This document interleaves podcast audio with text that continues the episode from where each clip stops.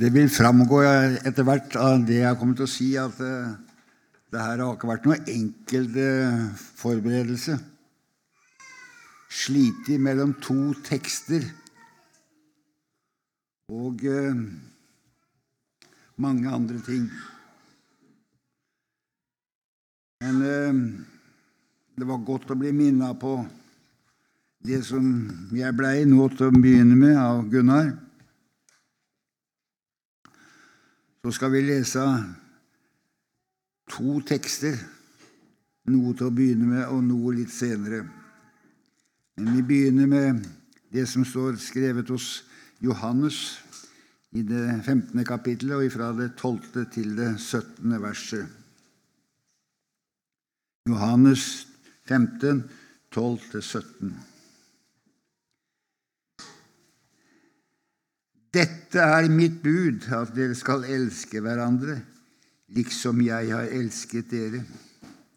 Ingen har større kjærlighet enn denne, at han setter sitt liv til for sine venner. Dere er mine venner dersom dere gjør det jeg pålegger dere. Jeg kaller dere ikke lenger tjenere, for tjeneren vet ikke hva han Herre gjør. Men dere har jeg kalt venner, for at alt det jeg har hørt av min far, har jeg kunngjort dere. Dere har ikke utvalgt meg, men jeg har utvalgt dere og bestemt dere til å gå ut og bære frukt. Og deres frukt skal vare, for at Faderen skal gi dere alt det jeg ber dere om i mitt navn.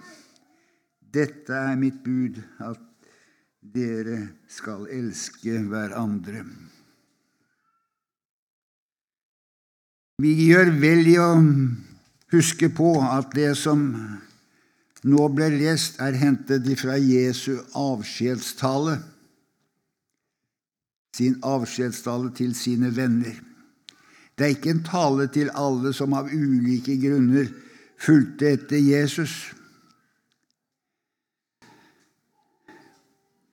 Mange av de som på den tid hørte Jesu tale, trakk seg tilbake og gikk ikke lenger etter han når de skjønte hva han snakket om. Slik er det også i dag.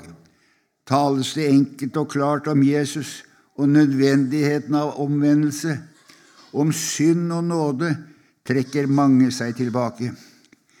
Jesus finner det derfor nødvendig å stille disiplene dette spørsmål vil også dere gå bort? Han så at noen trakk seg lenger og lenger bak. Og Peter han fikk en gang et slikt nærgående spørsmål. Simon Johannes' sønn, elsker du meg? Nå sto han blant venner som visste mye om Peter. De visste hva slags karakter denne hadde. Og Da blir spørsmålet hva ville du ha svart om Jesus' spørsmål til Peter var rettet til deg? Elsker du meg? Elsker du meg mer enn disse? Jesus spissa spørsmålet veldig. Jeg tror det tok noen sekunder før Peter svarte. Og da blir mitt spørsmål kan du svare ja på det spørsmålet etter et sviende nederlag, hvor Jesu motstandere hadde kanskje stilt det på en litt annen måte, men du hadde veket unna. Elsker du meg? Jesus visste meget vel at blant hans disipler var det mange skrøpelige mennesker. Likevel så får han seg til å si dere har ikke utvalgt meg, men jeg har utvalgt dere og kaller dere ikke tjenere, men venner. En fantastisk omtale. Og jeg må si den sangen som Sigvart Engeseth gir uttrykk for i sangen Du visste alt om meg før du meg kalla og ga meg plass ved nådens rike bord. Det er en fantastisk setning og en sannhet. Tenk å bli kalt Jesu venn av Jesus selv når han vet hva som bor i meg og i deg. Når en får et lite glimt inn i den rikdommen, det, være, det å vite det at en er kalt av Jesus og tiltalt som venn og medarbeider, da blir en noe forundret, ja, mer enn forundret, over at dette er sant. Tenk å være utvalgt av Kristus, utvalgt til å tjene Ham, og du forunderlige Gud. Trolig var det noe uklart for disiplene hva det innebar å være utvalgt av Kristus, men etter hvert ble det klarere, og i vers 27 står det hva utvelgelsens oppdrag går ut på. Men også dere skal vitne, for dere har vært med fra begynnelsen. Hva innebar det? Jo, de skulle vitne om hva som de hadde sett og hørt i samværet med Jesus. Men før denne vitnetjeneste kunne begynne, hadde de mye å lære, og de måtte forstå viktigheten av å vitne sant og ikke trekke noe fra eller legge noe til som var viktig for saken. Jeg tror det hadde vært nyttig for enhver forkynner, prest som lekmann, å være vitne til eller være deltaker i en offentlig rettssak og høre hvordan dommeren poengterer vitneansvaret hvor viktig det var at ingen unndro seg noe som hadde med saken å gjøre. Det var ikke enkelt for disiplene når de skulle vitne om det hele og fulle sannheten som de hadde opplevd sammen med Jesus. Det var det apostelen Johannes hadde fått et lite glimt av, der han utbryter Han skal vokse, jeg skal avta. Den som får lov til å se at den er kalt av Jesus og vet hva som bor i en, han blir mindre og mindre dag for dag. Og han større og større.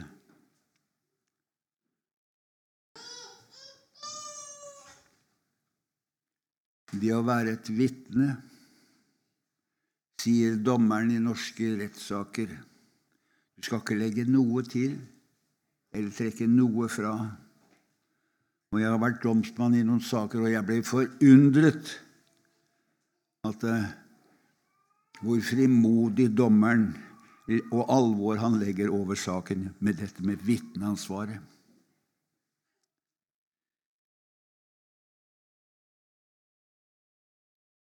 Og jeg sier, Jesus sier i Johannes' åpenbaring Vi skal lese av det, hvor viktig det er, og hvor nødvendig kanskje det også er.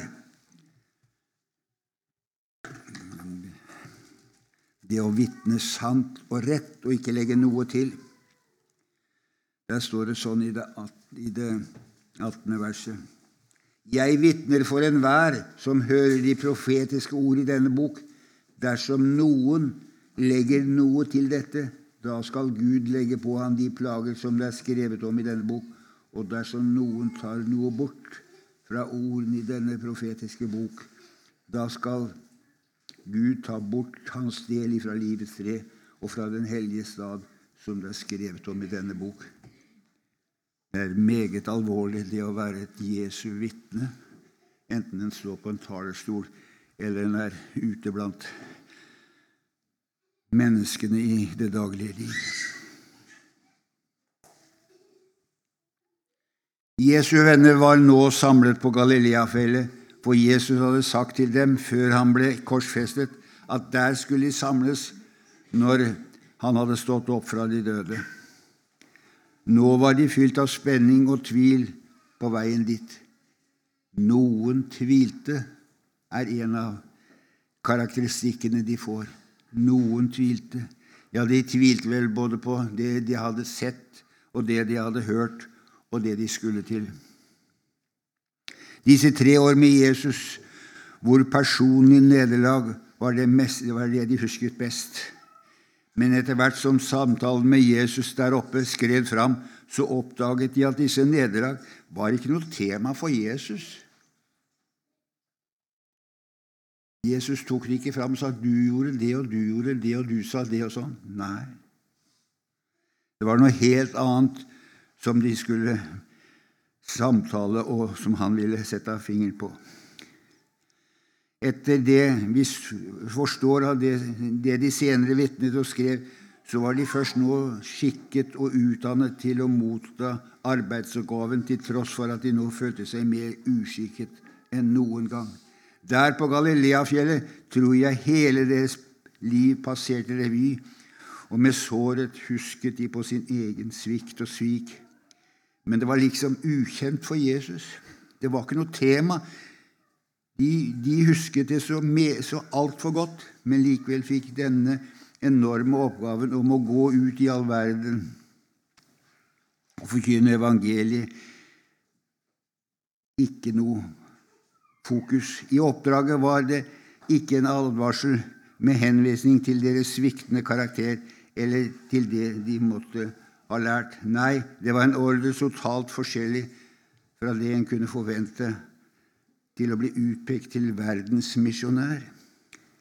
De som kun hadde erfaring fra en fiskebåt og en kontorkrakk på en tollbod. Aldri før hadde de følt seg mindre, og aldri før hadde Jesus vært større. Jeg tror det tok noen tid før oppgavens storhet gikk opp for dem. Og det tok også noen tid før de rett forsto det løftet Jesus ga dem. Forstår du som har fått en oppgave i Guds rike, enten det er å vaske gulvet eller stå på en talerstol, og takke Jesus for han aktet deg tro til det.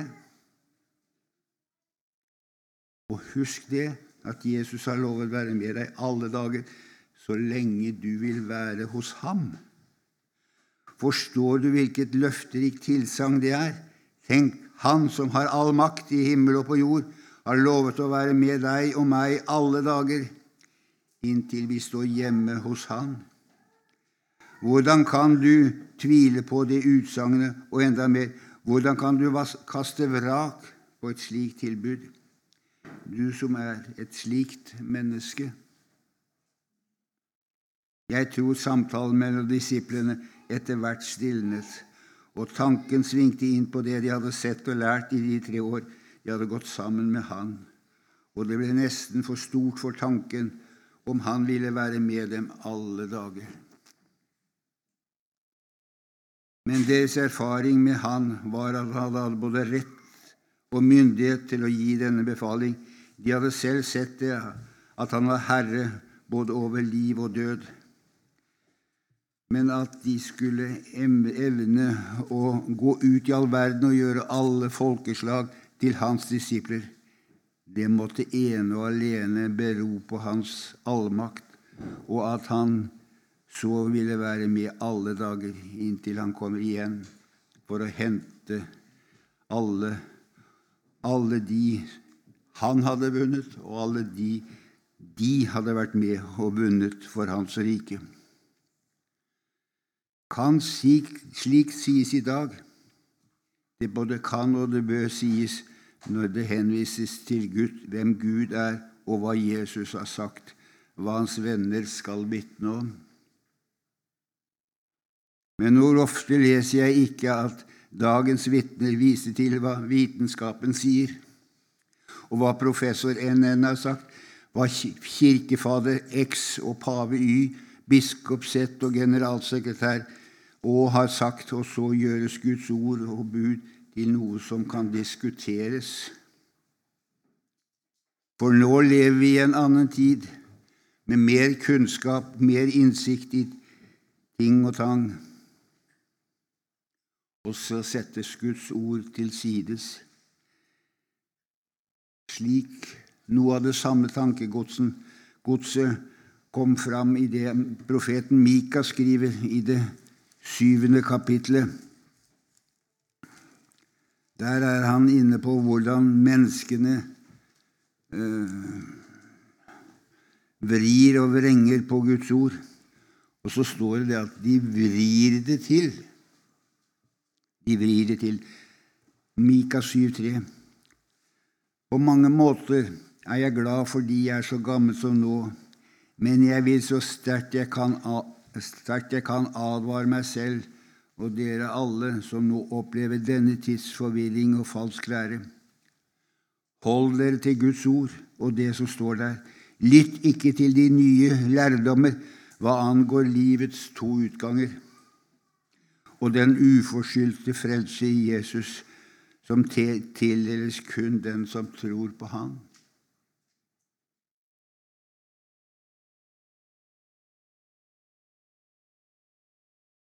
I min barndom hørte sangen Vær forsiktig, lille øye, hva du ser.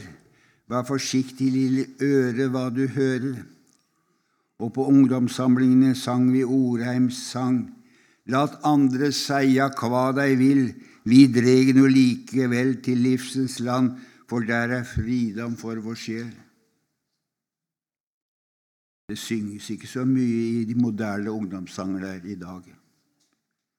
Iallfall ikke de sangene.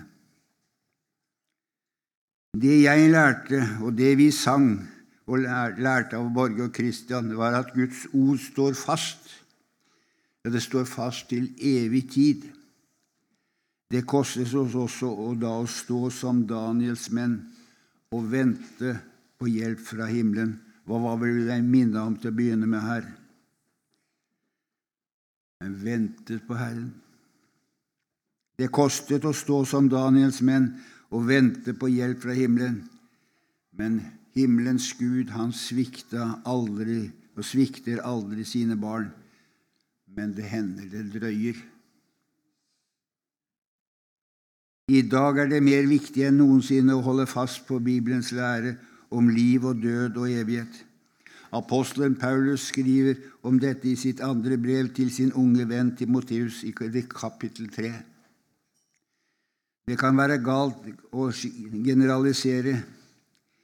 I min ungdom ble vi sterkt advart mot pavekirken. Det var nesten ikke dagen en gang en åpnet et kristelig blad, så kom den advarselen. Skal jeg bruke samme målestokk som våre veivisere brukte i min ungdom, burde jeg advare sterkt mot det som læres og forkynnes i Den norske kirke i dag. Hva var så Jesu ordre til sine venner i misjonsbefalingen? Forkynn evangeliet. Forkynn det som var nedskrevet i Det gamle testamentet. Forkynn det Jesu ord Jesus lærte i tempelet, det Jesus lærte i synagogen eller ute i det fri. Han talte alle plasser. Men det var det samme budskap. Omvend dere og tro. Forkynn det Den hellige ånd drev Jesus' etterfølgere til å skrive. Apostelen Paulus var klar over at det å forkynne Guds ord ville bli vanskeligere til nærmere vi kom denne tids avslutning. I Efeserbrevet 4, vers 14 sies det at til Jesus etterfølger at vi, skal som, vi ikke skal opptre som umyndige og la oss kaste og drive omkring av hver lærdomsvind ved menneskers spill, ved kløkt i villfarelsens listige knep, men holde fast på hva Guds ord sier.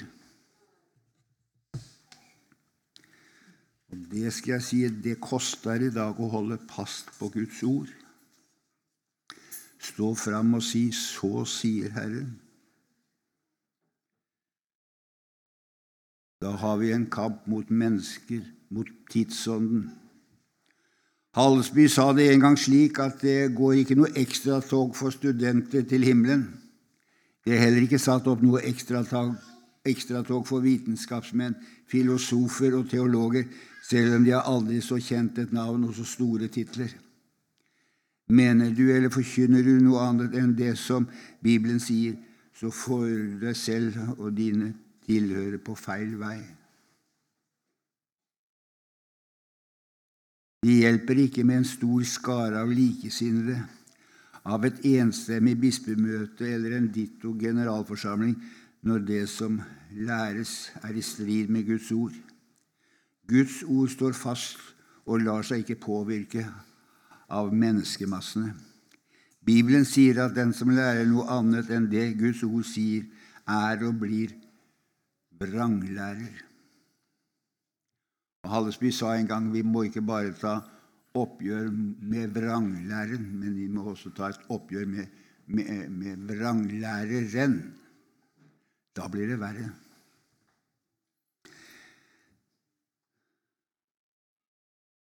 Og det er nesten uhyggelig å lese hva Jesus sier. Når han sier at den som lærer noe annet enn det Guds ord sier, er og blir lærer, og det hadde vært bedre om vedkommende hadde vært skjenket i havets dyp.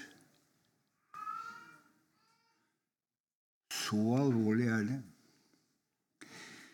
I dagens samfunn hvor alt er snakk om overforbruk og bærekraft, ellers lykkes vi ikke med å berge kloden. Det er en besnærende tanke, men Jesus var ikke opptatt med å berge kloden. Derimot var hele hans tanke og gjerning opptatt med å berge menneskene. Menneskets sjel, berge den for himmelen.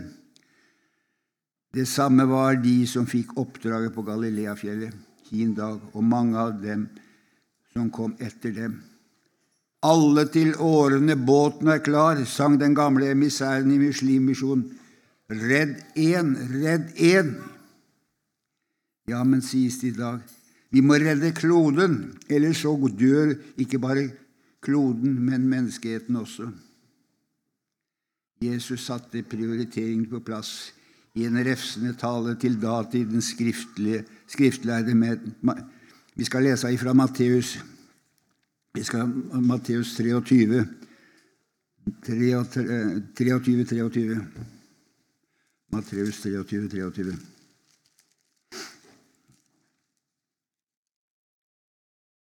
Der står det slik.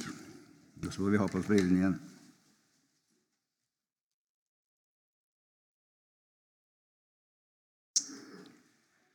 Ved dere skriftlærere og fariseere dere hyklere som gir tiende av mynte og anis og karve, men lar ugjort det som veier tyngre i loven, rettferd, barmhjertighet og troskap.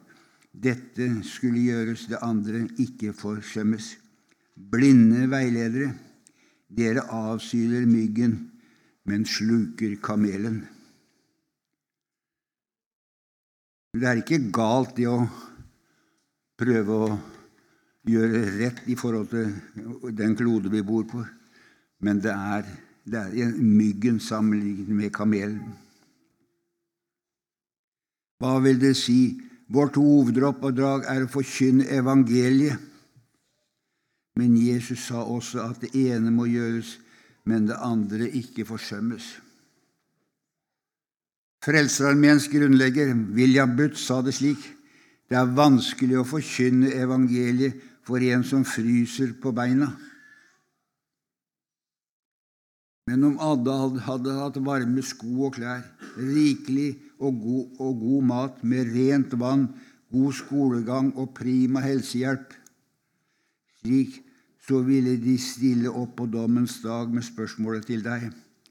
Du gav alt det min kropp hadde behov for, men hvorfor fortalte du ikke om Jesus? Nå er jeg fortapt. Kvi sa du til andre ifrå om det du hos Jesus fikk sjå? I disse dager hvor vi har krig og oversvømmelser verden over, så er det mange som roper og trenger hjelp, og det skal vi gjøre det vi kan for. Men det er viktigere å forkynne evangeliet. Vi må prioritere rett.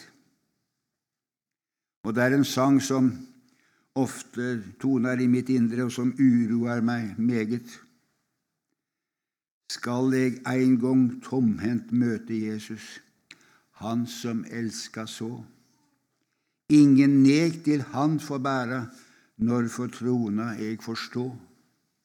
Skal jeg måtte einsam koma, tomhendt fram for trona stå? ingen sjel, og Jesus vinna, han som har meg elska så. Det ene skal gjøres, men det andre ikke utelates. Ja, hva skal jeg gjøre? Hva sier Jesus? Han har gitt oss et middel som alle troende skal og kan bruke. Og det er det eneste vi har, egentlig. Det er å kunne henvende oss til Han som har all makt i himmel og på jord.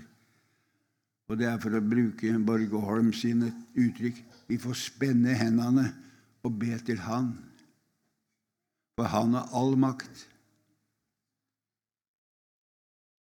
Først og fremst å be om at Han må drive arbeidere ut som vitner, så menneskene kan få høre om Jesus og hans, og hans uh, gjerning for menneskene.